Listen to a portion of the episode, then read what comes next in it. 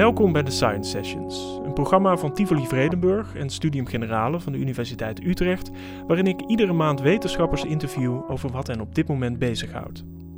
In deze aflevering kijken we naar problemen op de arbeidsmarkt. Als de coronacrisis één ding laat zien, dan is het hoe kwetsbaar ZZP'ers en flexwerkers zijn. Zonder buffers en vangnetten zijn ze al snel op steun van de overheid aangewezen. Biedt de huidige crisis een kans om structurele problemen aan te pakken? Ik vraag het Joop Schippers, hoogleraar arbeidseconomie van de Universiteit Utrecht. Joop, welkom. Dank. Hoe gaat het? Het gaat uitstekend. Ja, Vertel. Ik, uh, ik ben sowieso blij dat ik weer een, een uitje heb door Ja, ja, hier vandaag naar. Waar, eh, waar eh, kom je vandaan? ik kom uit Rotterdam eh, en eh, ja, ben eigenlijk maar heel sporadisch de stad uit geweest. Gelukkig woon ik zelf aan de goede kant van de stad, Mhm. de oostkant, waar heel veel groen is. Dus eh, ik bedoel, ik kan een rondje langs de Rotter lopen of fietsen. Eh, ik kan door het Schollebos eh, wandelen. Eh, veel groen bij ons in de buurt. Mhm. Dat is natuurlijk toch heel anders dan dat je in het centrum van de stad drie hoog achter woont. Ik heb een tuin, eh, zowel voor als achter. Ehm, ja, lommerrijk, ook dat nog. Eh, dus. Eh, Joop, met, met eh, jou gaat het goed. Er is een, een, een, groep waar het wat minder mee, mee gaat in deze tijd. En daar ga- gaan we het over hebben. De afgelopen weken klopten er honderdduizenden ZZP'ers en flexwerkers aan bij de overheid voor hulp. Hoe kijk je naar die eerste maatregelen die de overheid heeft genomen? Wat mij betreft eh, is het heel goed dat de overheid eh, onmiddellijk in actie is gekomen. Anders dan bij de crisis van eh, 2008 en de jaren die daarop volgden. Toen de overheid heel aarzelend was, heel lang gewacht heeft met het nemen van maatregelen. eh, hebben ze dat nu wel onmiddellijk aangepakt en gezorgd dat eh, in ieder geval niet grote groepen mensen onmiddellijk zonder inkomen kwamen, kwamen te zitten. En dat betekent dat verder de economie in belangrijke mate ook blijft draaien. Ik bedoel, mensen kunnen gewoon naar de supermarkt. Sterker nog, ze gingen massaal naar de supermarkt bij het uitbreken van de, van de crisis, maar ook Mhm. naar de bouwmarkt en nou ja, naar de, naar de tuincentra. En ik denk dat dat heel goed is dat op die manier de economie gaande wordt gehouden. Of dat Ja. op lange termijn vol te houden is, dan nog even een tweede. Ja, daar, daar, daar gaan we het zo ook over, over hebben. Eh, een groep die zwaar getroffen is, dat zijn eh, de ZZP'ers en de andere eh, flexwerkers. Voor, voordat we gaan, gaan praten over dat systeem van het flexwerk, laten we eerst eens kijken wat die groep nou eigenlijk is. Wie zijn dit? Eh, het is een, eh, een hele bonte eh, verzameling van mensen. Flexwerkers, die kom je eigenlijk nou ja, in alle soorten en maten tegen. Je ziet wel dat starters op de arbeidsmarkt, jongeren, die zijn oververtegenwoordigd als het gaat om flexibel in loondienst zijn. ZZP'ers, dat zijn vaak niet zo ehm, heel erg jonge mensen. Dat zijn vaak mensen die eerst een tijdje iets in loondienst gedaan hebben. En dan op een gegeven moment of zelf besluiten van ik wil niet een baas boven mij hebben. En ze overal formulieren voor moeten invullen enzovoorts. En daarom begin ik voor mijzelf. Ja, dus het zijn eh, juridische adviseurs, maar ook misschien mensen in de culturele sector. Eh, heel veel. En in Ja. de media kom je dat heel veel tegen. Eh, de hele sector van advisering. Vaak mensen die vroeger inderdaad eh, nou ja, iets, iets stafachtigs deden binnen een grote organisatie. En, de, en toen op een gegeven moment dachten van ja, maar als ik dit voor mijzelf ga doen, dan kan ik er heel veel meer aan overhouden.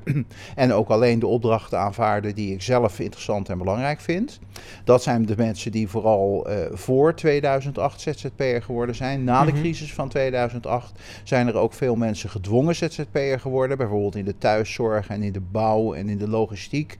eh, waar de werkgever zei van ik kan jullie niet meer als werknemer in dienst houden. Maar je kunt wel thuiszorg blijven leveren eh, als je eh, je als ZZP'er vestigt. En dan, nou ja, ik zeggen, organiseer ik het dat jij daar en daar en daar op die en die adressen die thuiszorg kan leveren. En die arbeid is goedkoper geworden. En daardoor is het goedkoper geworden, want die mensen die waren plotseling eh, niet meer verzekerd voor de sociale zekerheid. Dat risico van bijvoorbeeld ziek worden, arbeidsongeschikt worden, werkloos worden, dat lag eerst bij, nou ja, ik zeggen, het stelsel als geheel. Ik bedoel, die werkgever die meldde de werknemer die toen nog bij hem in, of haar in dienst was aan. En daarmee, nou ja, ontstond ook de verplichting om eh, sociale zekerheidspremies af te dragen. Mhm. Voor ZZP'ers is dat niet het geval. En die moeten zelf maar kijken waar ze zich voor willen verzekeren. Of Ja. niet. Ja, vol- volgens het CBS zijn het er eh, al eh, 3 miljoen flexwerkers. En een eh, deel daarvan is, eh, een, een, een aanzienlijk deel daarvan is ZZP'ers. Jij noemt het een ehm, flexwerkverslaving. Waar is die verslaving begonnen?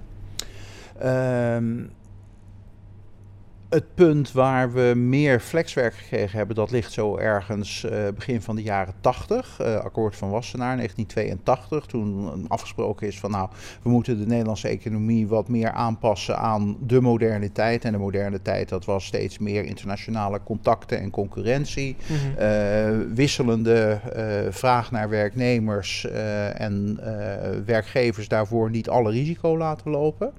Uh, dat het echt een verslaving is geworden, dat is eigenlijk zo vanuit de jaren 90 en daarna. Uh, toen steeds meer maatregelen genomen zijn, ook in het kader van de deregulering van de economie en de arbeidsmarkt, dat uh, flexwerk voor werkgevers steeds goedkoper werd.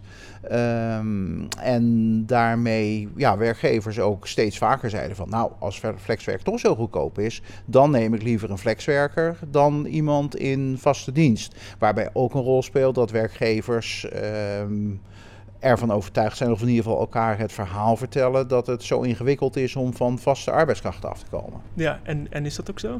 Nou, veel van mijn uh, hoe heet het, uh, collega's op het terrein van het arbeidsrecht, die zeggen van als je als werkgever daar een probleem mee hebt, dan heb je toch ook heel vaak zelf iets niet goed gedaan. Als jij gewoon netjes elk jaar met je werknemer een functioneringsgesprek houdt uh, en ehm, constateert als iemand niet goed functioneert dat dat zo is en met betrokkenen afspreekt hoe hij of zij dat beter zou kunnen doen. En daar volgend jaar op terugkomt. En op die manier ook netjes een dossier opbouwt. En je concludeert na drie jaar van ja, maar het is toch nog niet gelukt. Bedoel, dan heb je bij de rechter in het algemeen ook niet zoveel problemen om de arbeidsovereenkomst ontbonden te laten worden. Hm.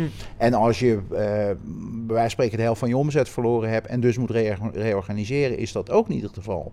De problemen liggen daar waarbij werkgevers uh, jaar in, jaar uit uh, mensen fluitend door de organisatie laten lopen. En dan ineens van vandaag of morgen zeggen van ja, maar uh, nee, je doet toch eigenlijk je werk niet goed. Mm -hmm. Ja, dan zegt de, de, werknemer, maar ook de rechter van ja, hoor werkgever, uh, dat had u dan maar beter moeten onderbouwen. Ja, precies. Dus dat is eigenlijk niet echt een, een argument voor die versoepeling. Maar het, als ik jou zo hoor, dan lijkt het erop dat dat beleid er vooral op gericht is om het bedrijfsleven te pleasen, om de werkgever te pleasen. Klopt dat? Zeker, zeker. Uh, we hebben natuurlijk in Nederland uh, eigenlijk uh, nooit echte linkse kabinetten gehad.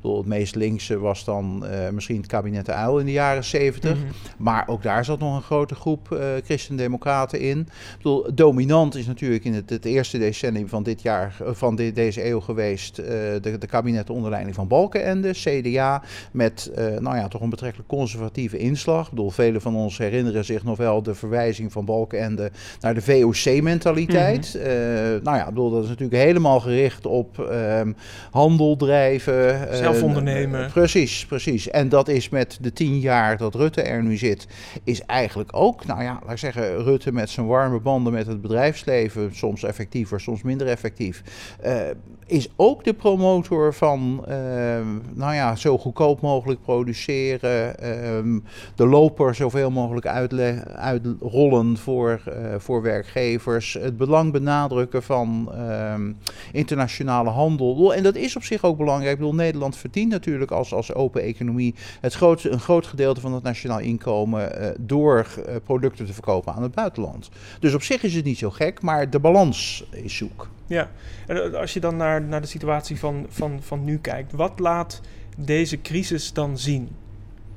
Ik denk dat deze crisis een paar dingen laat zien. Uh, dat de, uh, de situatie van uh, met name ZZP'ers, die dus voor een groot gedeelte niet meedoen met sociale zekerheid, dat die eigenlijk onhoudbaar is. Mm -hmm. Door we zagen dat op individueel niveau eigenlijk al als mensen arbeidsongeschikt werden. wij spreken een, Z, een ZZP'er viel van de trap af, kon drie maanden niet werken. Ja, had dan ook drie maanden in principe geen inkomen. Tenzij hij of zij op een of andere manier bij een broodfonds was aangesloten maar uh, ja, dat is voor gewone werknemers in loondienst, uh, die zijn wel verzekerd, dus die hebben wel inkomen. En nou, waar zij dat dus niet hadden, dat zag je dan voor, voor uh, hoe heet het, arbeidsongeschiktheid, zag je dat op individueel niveau.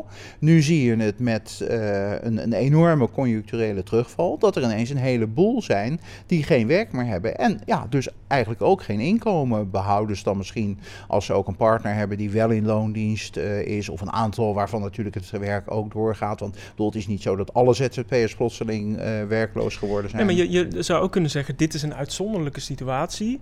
en het, het trekt straks wel weer bij.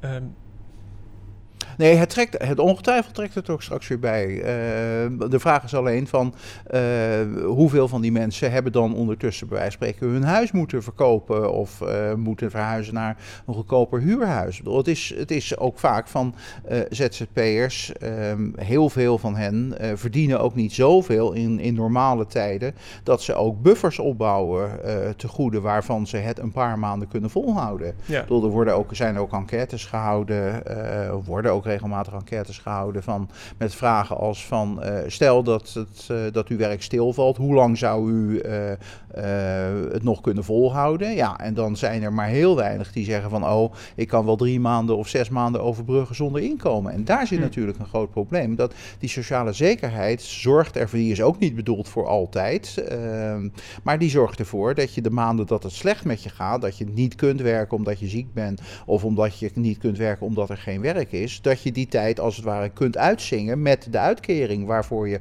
altijd premie betaald hebt. Maar ja, dat, dat is dus eigenlijk voor ZZP'ers de grote weefhoud.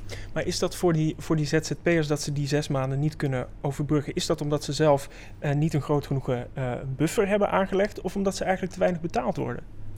Nou ja, er zijn ongetwijfeld ZZP'ers die op de grote voet leven. Althans, die op de mhm. grote voet leven ten opzichte van wat ze uh, aan inkomen hebben.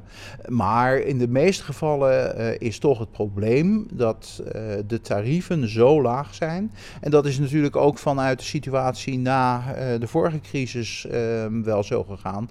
Dat er flink wat mensen die werkloos geworden zijn toen, hebben in armoede maar voor het ZZP-schap gekozen. En ehm, ja, hebben er alleen maar toe bijgedragen dat uh, de markt van consultants of van tekstschrijvers of van dagvoorzitters, nou ja, noem het allemaal maar op, dat die ook wel uh, overspoeld is met te veel mensen, wat op zich een, negatief effect heeft op de prijzen. -hmm.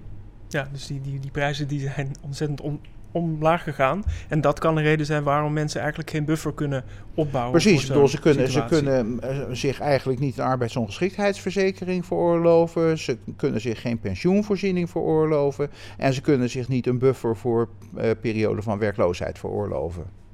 Ja, laten, we het, uh, laten we het over, uh, over oplossingen hebben. Begin dit jaar, dus nog voor de crisis, kwam de commissie Borstlab met een rapport Um, met maar liefst 47 adviezen over de arbeidsmarkt. Um, laten we een aantal van die oplossingen doornemen. Um, flexwerk moet fors duurder worden dan vast personeel, uh, zodat het voor werkgevers aantrekkelijker uh, wordt om mensen vast in dienst te nemen. Wat, wat vind je daarvan?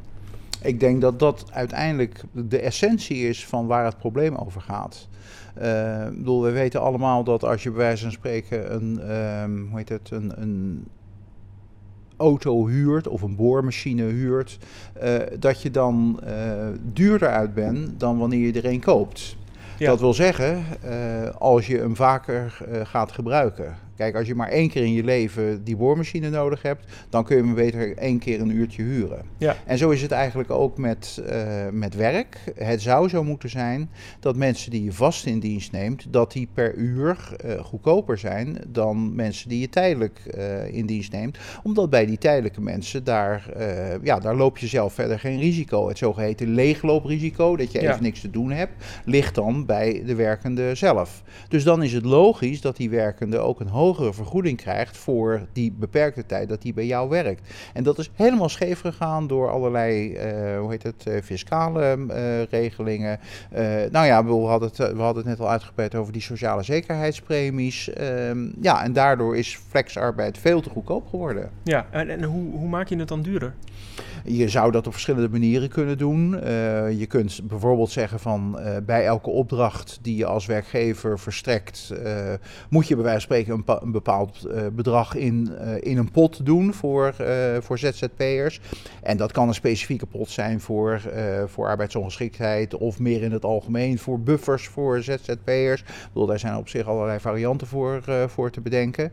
Ehm, je kunt ook zeggen van nou, ZZP'ers moeten gewoon ook verplicht zich verzekeren tegen arbeidsongeschiktheid. Ik bedoel, we hebben natuurlijk als het gaat over het stelsel van ziektekosten in Nederland, ook voor iedere Nederlander de verplichting dat hij een, een verzekering afsluit. We hebben weliswaar vrijheid bij wie we dat doen, bij de verschillende verzekeringsmaatschappijen. En we mogen ook nog kiezen tussen varianten van alleen de basis of ook een aanvullende verzekering. Maar we moeten ons, ons aansluiten. Dat heeft iets met, een, met solidariteit te maken. En wat je nu eigenlijk ziet is dat je hebt het sociale zekerheidsstelsel voor de werknemers. En de ZZP'ers die doen daar niet aan mee. Je zou dus ook kunnen redeneren in termen van die zijn eigenlijk niet solidair met die anderen. ZZP'ers zijn niet solidair. Eh, nee, want uh, bedoel, zij, zij betalen niet mee aan die, aan die pot. Nou, bedoel, daarvan kun je zeggen van oké, eigen keus. Maar uh, in de situatie waar we nu in zitten, willen we natuurlijk eigenlijk als samenleving, en dat siert onze samenleving, die mensen ook niet laten verkommeren. We willen niet dat ze straks in augustus massaal onder de brug slapen. Ja. Dus wat doen we? We gaan uiteindelijk toch voorzieningen treffen voor de ZZP'ers. En dat probleem dat is nu acuut, maar dat zou zich op lange termijn ook hebben voorgedaan. Bijvoorbeeld als het gaat over pensioenen. Uh, ik bedoel, al die mensen die geen pensioen opbouwen en het alleen van AOW moeten hebben. Nou, de AOW is eigenlijk relatief laag uh, ten opzichte van de totale uh, pensioeninkomen. Dat betekent dat we ook in de toekomst zouden moeten vrezen dat een aantal van de ZZP'ers, bij wijze van spreken als hun koelkast kapot gaat of als er andere grote kosten zijn, dat ze TZT op het loket van de bijstand uh, kloppen. Ja, en je zegt eigenlijk, je, je wil gewoon die zekerheid creëren voor ZZP'ers, maar het is wel belangrijk als ze solidair willen zijn, dat ze daar zelf voor betalen ook. Dus dat ze premies afdragen voor uh, die voorzieningen die ze gaan gebruiken. Nou ja, dat is een beetje het kenmerk van, van het soort samenleving waar wij in leven. Dat we aan de ene kant tegen mensen zeggen van oké, okay, uh, we zijn één samenleving. Dus uh, we regelen een aantal dingen ook collectief en zijn solidair met elkaar. Mm -hmm. gezonde mensen zijn solidair met minder gezonde mensen. rijk op een heleboel terreinen met arm. mensen met een hoog werkloosheid werkloosheidsrisico met mensen met een laag werkloosheid. Uh, nee, mensen met een laag werkloosheidsrisico, mensen met mensen met een hoger werkloosheidsrisico. En nou ja, zoals in het rapport van Borstlab staat, van eigenlijk horen die ZZP'ers zich daar niet aan te kunnen onttrekken. Hm. Ja. De, één ding noemde je al. Dus ze moeten eigenlijk een verplichte verzekering krijgen. En je noemde eigenlijk ook al uh, dat uh, voorbeeld dat ze ook hun belastingvoordeel moeten verliezen. Het is nu eigenlijk te gemakkelijk en te voordelig om ZZP'er te zijn. Ja, er zijn, en dat blijkt natuurlijk, dat was het tweede punt waar ik dus, dus straks al op hintte. Ja. Ehm, er zijn toch ook een heleboel uh, mensen die dan uh, het bordje ZZP'er op hun deur hebben gespijkerd. Uh, vaak ook omdat ze niks anders konden, omdat er geen, geen banen voor hen beschikbaar waren. Maar van je, waarvan je eigenlijk denkt van ja, maar dat is toch niet serieus ZZP-schap, dat is toch ook niet serieus ondernemerschap. Mm -hmm. bedoel, er zijn ook een heleboel ZZP'ers die, voor zover ze dan wel werk hebben, die die eigenlijk gewoon inderdaad het werk doen wat ze uh, vroeger in loondienst deden. Uh, en waar alleen maar de bordjes inderdaad verhangen zijn, maar waar er materieel niet heel veel veranderd is. Het is ja. niet voor niets dat er ook regelmatig discussie ook is over van uh, hoeveel opdrachtgevers heb je eigenlijk. Ik bedoel, een echte, echte ZZP'er ja. tussen aanhalingstekens, die werkt dan eens daar en dan eens daar en dan eens voor die en dan eens voor die. Maar ik bedoel, er zijn een heleboel ZZP'ers die inderdaad maar voor één of twee partijen werken. Nou, de vraag vraag is of je dat dus ook allemaal fiscaal moet willen faciliteren. Dat je echte ondernemers, dat je die moet faciliteren, dat lijkt me heel goed. Dat, daar wordt het land waarschijnlijk alleen maar beter van. Maar quasi-ondernemers uh, fiscaal subsidiëren, dat moeten we niet doen. En dat hebben we de afgelopen 10, 15 jaar te makkelijk gemaakt. Een uh, uh, aanbeveling die, die de commissie Borslab ook doet, is maak vaste contracten minder vast. Dat vind ik dan opvallend. Nou ja, dat is een adagium wat uh, de afgelopen vijf jaar uh, een beetje is ontstaan. Van uh, flex moet vaster en vast moet flexer.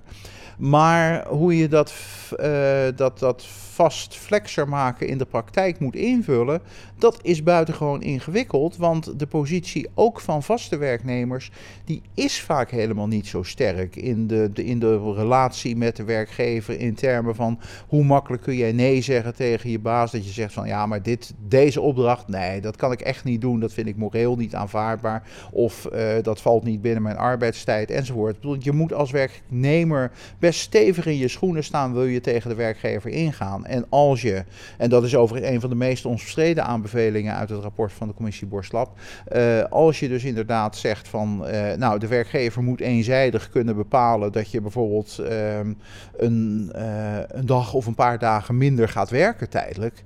Ja, bedoel, uh, jij kunt net je hypotheek betalen. En dan zegt de werkgever: Nou, de komende drie maanden krijgt u uh, maar 80% van uw salaris.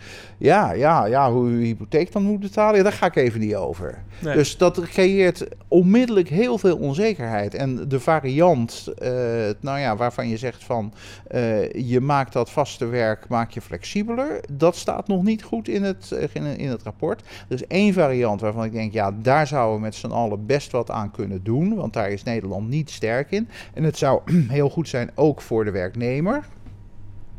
Cliffhanger. Neem een slokje. Dat is om uh, mensen vaker verschillende taken te laten doen. Uh, vroeger was het heel normaal dat uh, bijvoorbeeld een docent aardrijkskunde dat hij ook uh, Frans gaf, om maar eens even wat te mhm. noemen. En als het ene jaar meer uren Frans waren en het andere jaar wat minder uren aardrijkskunde, dan kon je makkelijk kon je daartussen schuiven. Nu hebben wij onze uh, organisatie van werk heel sterk verkokerd. Natuurlijk, werk is ook heel gecompliceerd geworden. Maar er wordt heel weinig naar gestreefd om mensen ook op verschillende plekken in een organisatie inzetbaar te maken. Ja. Terwijl dat ehm, voor de organisatie goed is in termen van uh, dat als er eens iemand die van een andere afdeling komt meekijkt, dat geeft een frisse blik. Maar het is ook voor de werknemer zelf goed, want als een bepaalde taak, bij wijze van spreken, wat minder nou ja, uh, vervuld moet worden binnen de organisatie, dan uh, is die werknemer niet onmiddellijk uh, overbodig. Sterker nog, het zou heel goed kunnen dat door een, dat de werknemer zich op wat meer terreinen kwalificeert, dat hij ook weer makkelijk een volgende carrière stap zou kunnen maken. Ja, dus eigenlijk zeg je dan die, die flexibilisering, die moet zich eigenlijk ook binnen ja. een organisatie af. Dan We noemen dat in de literatuur functionele flexibiliteit. Oké, maar dan, dan, dan denk ik, er zijn natuurlijk ook groepen uh, werknemers voor wie dat helemaal niet zo vanzelfsprekend is om uh, flexibel te zijn, om zich om te scholen. Uh, ik denk dan bijvoorbeeld aan mijn vader, die, die zijn hele leven schilder is geweest op de bouw. Dat is wat hij deed. en die zat niet te wachten op allerlei nieuwe cursussen om, om een, een om, om, om, te, om totaal iets anders te doen. En dat is niet voor iedereen mogelijk natuurlijk. Nee hoor, dat, uh, bedoel, dat moeten we zeker ook niet overschatten. Aan de andere kant moeten we het ook niet onderschatten. Want hm. het, het, voorbeeld wat je noemt, uh, daar kan ik me wel voorstellen dat op een gegeven moment uh, je ook zegt van nou, goh, jij bent nu al zo lang bij je schilder. kun je eens meedenken over, we moeten dadelijk een, een groot nieuw pand gaan, gaan, gaan schilderen. En um, kun je eens meedenken hoe we dat dan zouden moeten aanpakken. Of we bij wijze van spreken eerst de grote de stukken moeten doen. En daarna pas de plintjes en de, de, de spijltjes van de trap. Uh, of ga eens mee kijken naar die fabriek waar ze een nieuw soort verf hebben gemaakt. Hoe je met die verf zou kunnen werken. Ik bedoel, dat hoeft niet onmiddellijk dat je echt helemaal aan de andere kant van het beroepenveld uh, iets gaat doen. Maar je kunt mensen af en toe wel vragen van wil jij eens meekijken naar dit? Goh, uh, zou het uh, helpen om dit of dit te doen? Ja. Ik bedoel, mensen eens meedenken en eens mee laten gaan naar een andere vestiging of zo. Ik bedoel, dat, om op die manier toch iets van, van, van verbreding uh, te creëren. Precies, en daar, daar spreekt dan eigenlijk ook een, uh, een hogere waardering voor je werknemers uit. Ja, ja, daar moet je dus erkennen waar mensen goed in zijn, wat ze doen. Moet je er ook over nadenken, wat betekent het dat iemand uh, jarenlang dit soort werk gedaan heeft? Wat zal die, wat zal die waarschijnlijk dan ook goed kunnen? en wat heeft hij waarschijnlijk nog nooit gedaan? En waarmee zou het dan dus ook interessant zijn om zijn, zijn takenpakket geleidelijk aan wat uit te breiden? Ja. ja.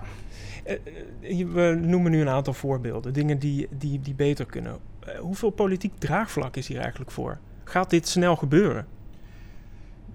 Er was al vrij veel, een vrij positieve ontvangst van het, uh, van het rapport Borstlab. Uh, de commissie was ook, uh, ja, de commissie was niet politiek samengesteld, maar toch, laat ik zeggen, er waren verschillende politieke groeperingen, waren er wel in vertegenwoordigd, wat als opvattingen vanuit verschillen. Dus ehm, voor de, uh, de coronacrisis uh, waren er eigenlijk al veel mensen die zeiden: ja, oké, dit moeten we dan ook daadwerkelijk maar gaan doen. Er is bijna tegelijkertijd, twee weken uh, later, of twee weken daarvoor, dat weet ik niet meer, is er ook een rapport van de WRR verschenen, wat een beetje dezelfde teneur had, weliswaar op een wat, wat nou ja, ik zeggen, een hoger abstractieniveau.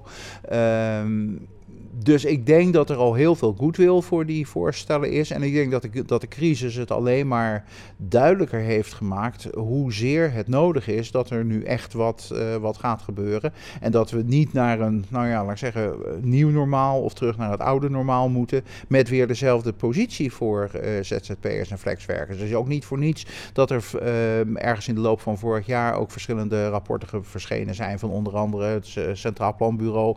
Die zelf ook geconstateerd hebben. Dat is toch een, nou ja, ik zeg ook een belangrijk adviesorgaan van de regering. Uh, die zei van nou, het is eigenlijk nergens zo uit de hand gelopen met flexwerk als in Nederland. We zijn daar in Nederland veel verder mee gegaan dan de meeste landen om ons heen. En ook vergelijkbare landen om ons heen. Maar ook veel verder dan uh, economisch gezien, voor zover je dat kunt beredeneren, uh, nodig zou zijn. Hm. Dus de, eigenlijk zeg je van, van, van allerlei gebieden is er steun. Maar wordt er ook daadwerkelijk al gewerkt aan nieuw, nieuw beleid? Nou ja, uh, partijen zijn op het ogenblik bezig hun uh, verkiezingsprogramma's uh, te schrijven. Ehm, en daar moet je dat natuurlijk voor in belangrijke mate in terug gaan zien. Zodat het dan ook volgend jaar, als na de verkiezingen van maart er een nieuw regeerakkoord gaat worden opgesteld, dat het daar dan ook op, in terugkomt op een of andere manier. En dan wil de ene partij natuurlijk een beetje meer dit en de andere partij een beetje meer dat. Maar ik denk dat nou ja, er wel een soort grootste gemene deler is dat, dat men toch wel vindt dat er iets moet gebeuren. Ja, en wat dat dan precies, dat hangt natuurlijk ook erg van de uh, uitslag van de verkiezingen af uh, en, en welke partijen er in de nieuwe coalitie terechtkomen. Ja, tot slot, je, je hebt dus eigenlijk wel hoop ik, ik heb, heb altijd hoop, maar ook op dit terrein gegeven de, de, de, de voorgeschiedenis. Ja. Uh, het moeilijkste zal nog zijn, uh, we hadden het straks over die verslaving. Ja. Um, voor werkgevers is uh, het aannemen van een flexibele arbeidskracht eigenlijk inmiddels een soort defaultwaarde geworden. Ja. Ik bedoel, werkgevers denken er eigenlijk niet eens meer over na. Ik bedoel, ze geven iemand automatisch een, een, een, een tijdelijk contract, een flexcontract, op wat voor manier dan ook. En nou ja, ik zeggen, werkgevers uit die modus krijgen, uh, dat zal eigenlijk nog wat, nog wat lastiger zijn. Omdat uh, ja, iedereen is er zo aan gewend geraakt en vindt het zo vanzelfsprekend en is zo weinig eigenlijk met de consequenties op individueel niveau bezig. Uh, zoals de gevolgen voor gezinsvorming en het kunnen kopen van een huis enzovoorts. Dat, ja, dat zit nog niet erg tussen de oren en daar moet dus ook nog wel enige zending plaatsvinden. Een goede mindset. Ja, ja, ja, maar hoop en zending hebben veel met elkaar te Dus. Je luisterde naar een aflevering van de Science Sessions met arbeidseconoom Joop Schippers. Benieuwd naar meer afleveringen? Ga naar sg.uu.nl/podcast of abonneer je op je favoriete platform.